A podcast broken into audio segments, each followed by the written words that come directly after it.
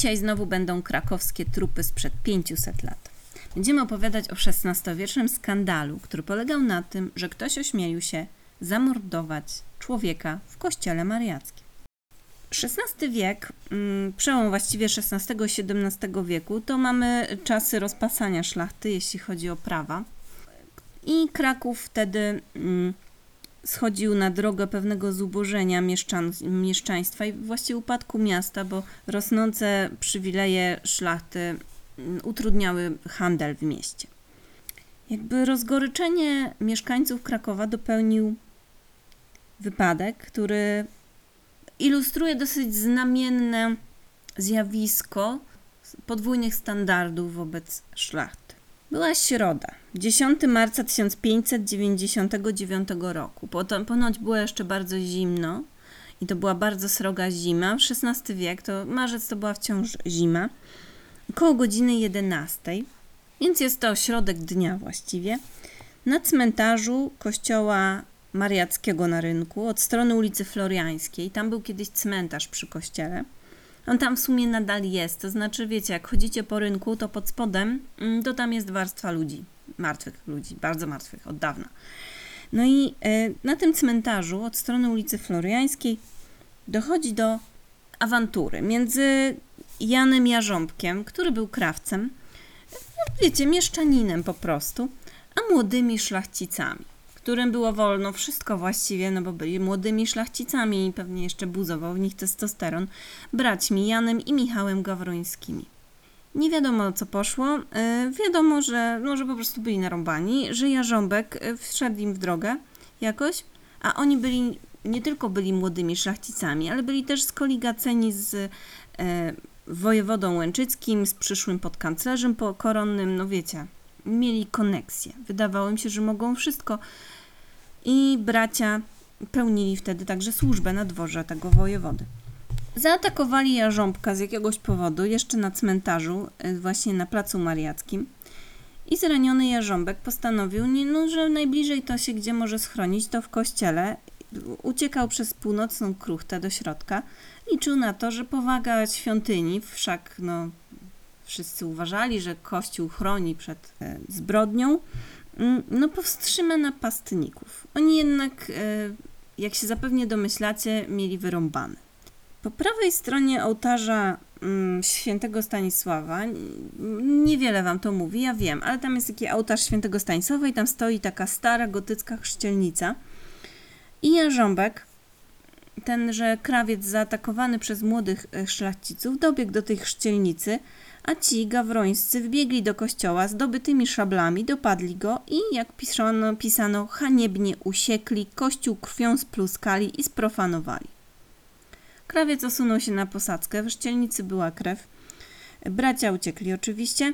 No, zajście całe ściągnęło ludzi, no to trwało pewnie chwilę, wiecie, dopadli go na cmentarzu, on uciekł, to, to było pewnie dosłownie nie, minuta pewnie całego wydarzenia.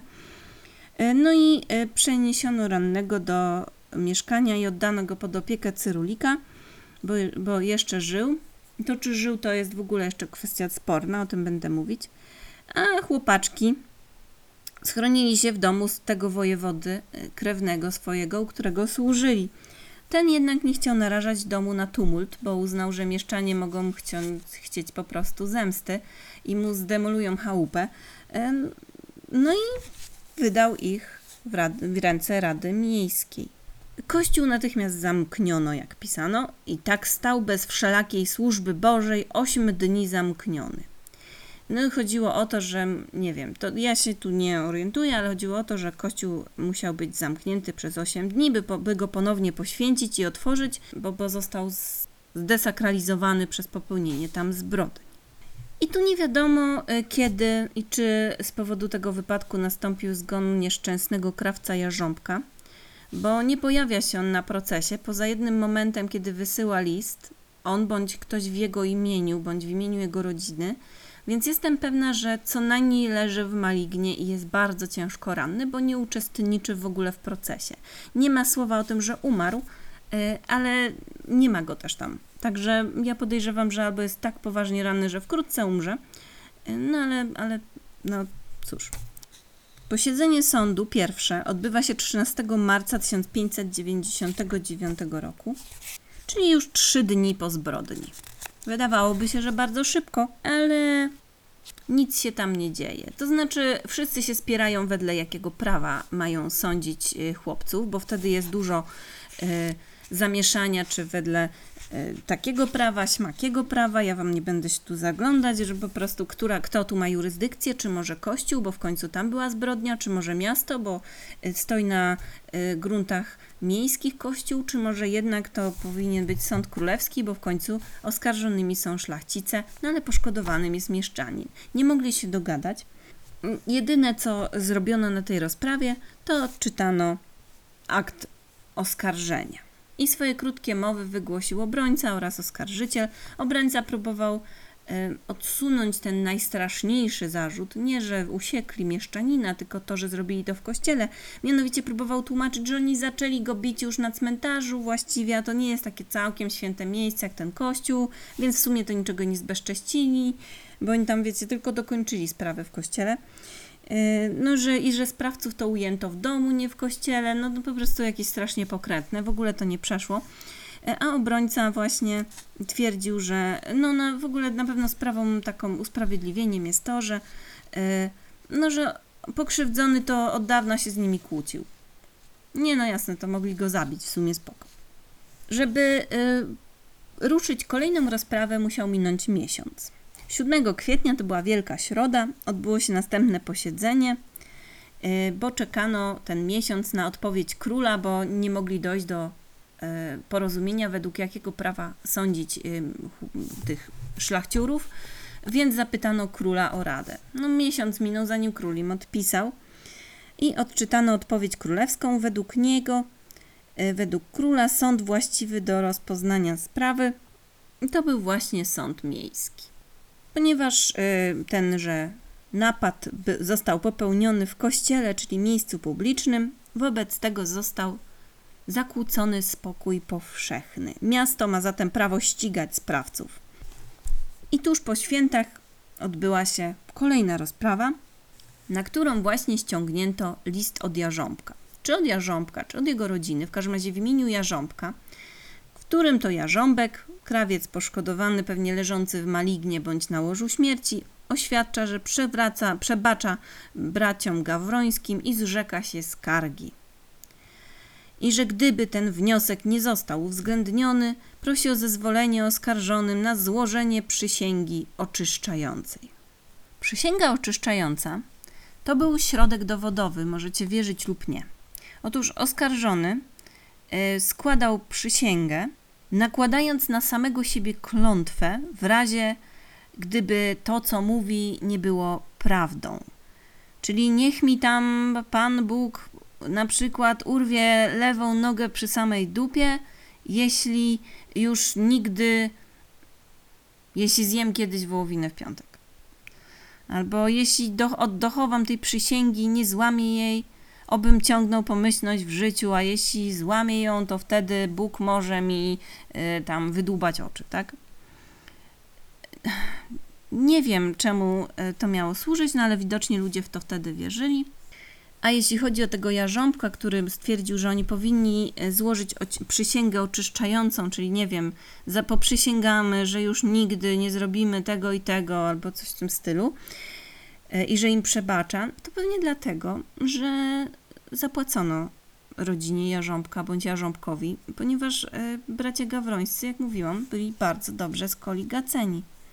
17 kwietnia po świętach 1599 roku sąd e, wysłuchał świadków, mm, obejrzał skrwawione szable Gawrońskich, a ojciec oskarżonych, bardzo szanowany Andrzej Gawroński, zwrócił się do sądu o łagodny wyrok o niekaranie ich śmiercią, i jego słowa oczywiście poparło wielu szlachetnych mężów rodu szlachetnego, czyli inne szlachciury się zrzuciły bronić swojego. No i minął prawie kolejny miesiąc, bo 9 czerwca sąd wydał wyrok. Można powiedzieć, że dosyć szybko, bo jednak na- nawet w dzisiejszych czasach te parę miesięcy od zbrodni nie wystarczy, żeby wydać wyrok. Ba, byśmy czekali na pierwszą rozprawę. No ale 9 czerwca skazano. Skazano obu młodych szlachciców na, uwaga, pokutę.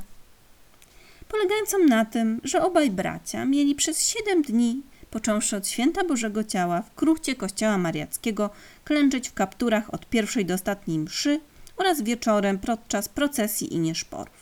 Po skończonym, po skończonym klęczeniu codziennie mieli wracać na ratusz do więzienia. Strasznie surowa kara, jak za e, ciężkie uszkodzenie bądź zamordowanie człowieka.